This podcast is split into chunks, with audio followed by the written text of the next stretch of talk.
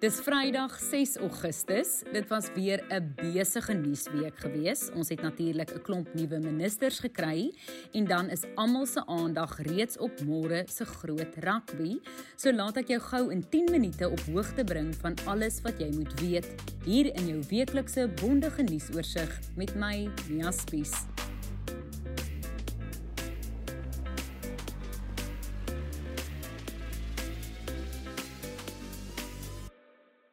In 'n netedop het president Cyril Ramaphosa uiteindelik veranderinge aan sy kabinet gemaak.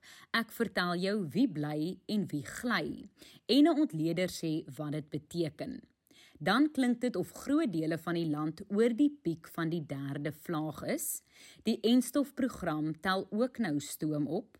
Dan het die EFF opgeruk na 'n polisiestasie in KwaZulu-Natal na verlede maand se onluste. Ons goue meisie Tatjana Schoenmaker bring die goue medalje huis toe en dit is bok teen leeu môre in Kaapstad. Net voor ons begin, as jy elke Vrydag hierdie podcast in jou WhatsApp inbox wil kry, druk net op die skakel in die plasing. Ons het nog 'n WhatsApp groep gemaak nadat die eerstes vol is. Hoofnuus is dat president Cyril Ramaphosa donderdag aand veranderinge aan sy kabinet aangekondig het.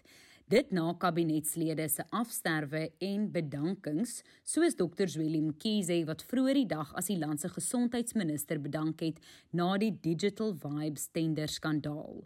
En Tito Mboweni het uiteindelik ook sy sin gekry om te bedank. Further vacancy has arisen following the request I have received from Minister Zwelini Mkhize to allow him to step down as the Minister of Health in order to bring certainty and stability to the health portfolio.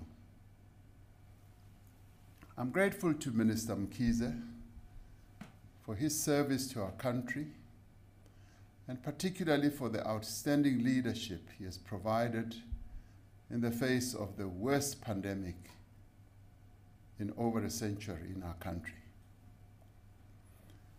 I have also accepted a long standing request by Minister Tito Mboweni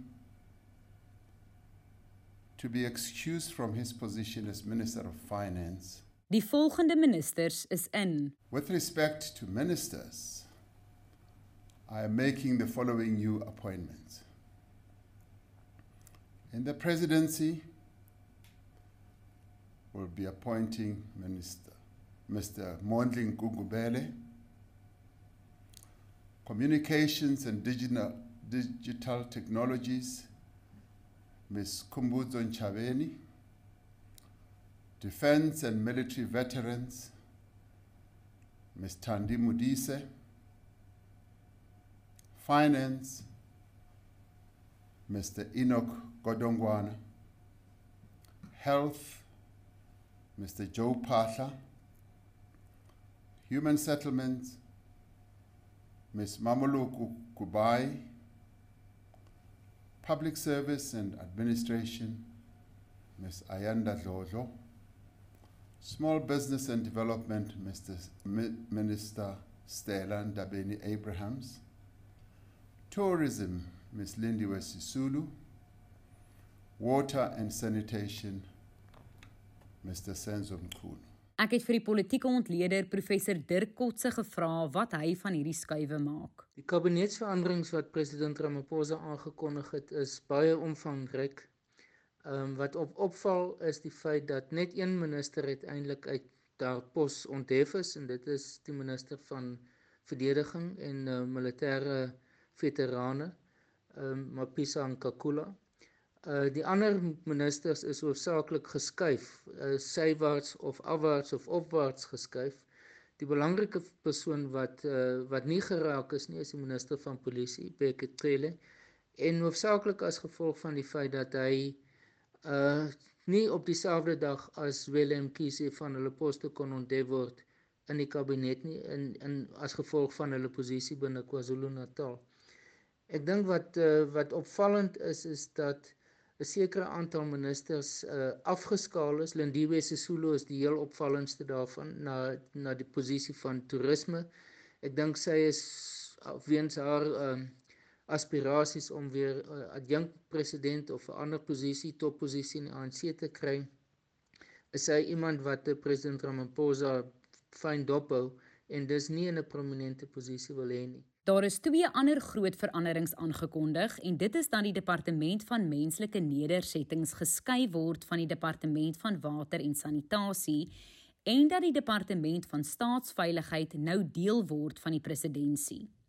Vroeger die week het die waarnemende minister in die presidentskap, Kumbutso Ntsabeni, die media toegespreek oor die kabinetsvergadering wat van dese week plaasgevind het Goeie nuus is dat dit blyk of groot dele van die land oor die kruin van die derde vlaag van infeksies is. Cabinet noted the significant decline in infections uh, cases in South Africa after the country officially surpassed the peak of the third wave. However, for provinces which are Western Cape, although today they've just announced that they are they've reached a peak, Northern Cape, Northwest and Free State have been recording increases in a day on their daily infection rates. In die jongste oorsigperiode is 13777 nuwe COVID-infeksies aangemeld.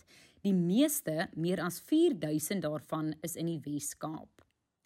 Die hoof van die Wes-Kaapse Gesondheidsdepartement, Dr Keith Kloete, sê die derde vlaag van die koronavirus het moontlik van dese week sy piek in die provinsie bereik. There's a whole lot of um, widespread transmission of cases, which is which is synonymous with being at the peak of a wave would be. Then the big um, um, uh, the thing that we track is then also the excess deaths with the MRC, and you can see that continues to rise, and it's early signs that we are moving towards a potential plateau over the next week or two. This is our comparison of other waves. Um, the, the, the graph on the top, uh, the light blue is the first wave, um, the dark blue is the second wave, and you can see the brown color is the third wave. And what I've just described to you, which is the plateau, which is a plateau of about two weeks, and then this increase in cases because of delayed testing. But you can see early signs that there is a flattening um, on top of the third wave. Intussen het Ntsabeni aangekondig dat Suid-Afrika se enstofprogram nou stoom begin optel. South Africa's national vaccine rollout program is has fully gathered pace and the health sector, both public and private, vaccinates a minimum of 1 million people in three days. To date, over 8 million South Africans have been vaccinated, and at the current pace, the president should soon announce a revised target date for the country to reach population immunity. Cabinet continues to call on South Africans to vaccinate as it remains our most effective weapon in the fight against COVID 19, and people can now go to any vaccination site with their identity documents even without an appointment to be registered and vaccinated. Ons inentingsprogram het natuurlik die afgelope week 'n welkome inspuiting gekry met die skenking van 5,6 miljoen dosisse Pfizer-enstof van die FSA. Dan herinner ek jou net dat registrasies en inentings vir mense van 18 tot 34 jaar oud op 1 September sal open. Dan het die regering onlangs aangekondig dat die spesiale COVID-19 hulpskema heringestel word. Begunstigdes kon van hierdie week weer daarvoor aansoek doen. Die minister van maatskaplike ontwikkeling, Lindiwe Zulu, sê mense moet weer aansoek doen omdat hulle finansiële omstandighede moontlik sedert verlede jaar verander het. We would like to reiterate that only those who meet the criteria and have no financial support from any source should apply for this grant. It is also important to emphasize that the previous SRD grant expired on the 30th of April 2021, and this means that all those who had previously applied must reapply. Nou na KwaZulu-Natal waar lede van die EFF na die polisiestasie op Phoenix noord van Durban opgeruk het en geregtigheid geëis het vir mense wat tydens verlede maand se onrus en geweld vermoor is. 36 mense in Phoenix het hulle lewens in hierdie geweld verloor en die EFF sê dit was grootliks rasgedrewe. Hey, Tommy, fighter, hey, Tommy. Hey, Tommy, fighter, hey, Tommy. Down with racism, down. Down with racism, down. Down with ANC, down. Down with DA, down. Ntsabeni het 'n beroep op die gemeenskap van Phoenix gedoen om saam met die regering te werk om die rassespanning op te los. Cabinet urges the communities in KwaZulu-Natal to work together and support government efforts to address racial tensions and undertones that threaten to undermine the values of the founding fathers of our, of our democratic, non-racial and equal South Africa. Ntsabeni het ook gesê dat wetstoepassers hard werk om al die skuldiges in verband met verlede maand se geweld en plundering vas te trek. Nou na skole nuus, alle leerdlinge is terug op die skoolbanke. Die minister van basiese onderwys, Angie Motshekga, sê dit is egter vir baie skole onmoontlik om 1 meter sosiale afstand tussen leerdlinge te hou en daarom is hierdie afstand verminder. We look at all different measures that will help us to have as many learners as possible in schools. For instance, here that they, they're talking about rotation to get others coming in the in the morning, others in the afternoon.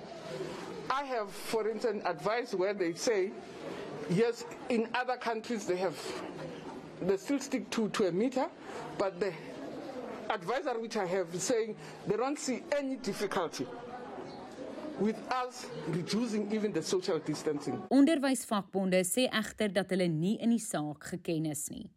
In ander nuus het die verkiesingskommissie 'n dringende aansoek by die konstitusionele hof ingedien om die komende munisipale verkiesing uit te stel.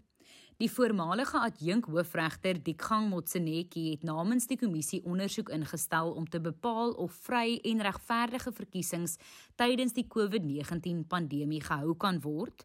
Hy het aanbeveel dat die verkiesing wat Oktober sou plaasvind eerder uitgestel moet word en die OVK het hierdie aanbeveling aanvaar. Nou maak ons goue draai in Tokio by die Olimpiese spele waar Suid-Afrika 'n paar medaljes hierdie week ingepalem het. Tatjana Skoenmaker het 'n spesiale gelukwensing gekry nadat sy verlede week in die eindronde van die 200 meter borsslag goud gewen het en die rekord laat spat het. Tatjana. Hello Mr President. Congratulations. Thank you.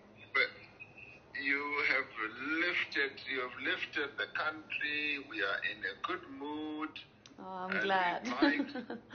congratulate you for your unbelievable effort. Sy het 'n helde ontvangs gekry toe sy hierdie week terug in die land kom. Thank you for all the support and for me it was just to go out there and give my best and through my achievements i hope i could have give someone some hope um obviously knowing our country was going through such a tough time.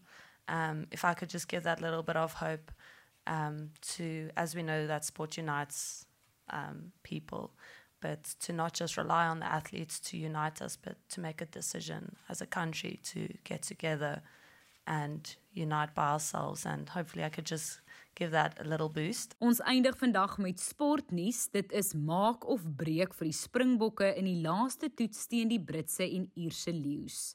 Elk van die spanne het nou al een toets van die reeks gewen en dit maak dit reeds geskiedkundig. It becomes five penalties from Andre Pollard and that is the end of the contest.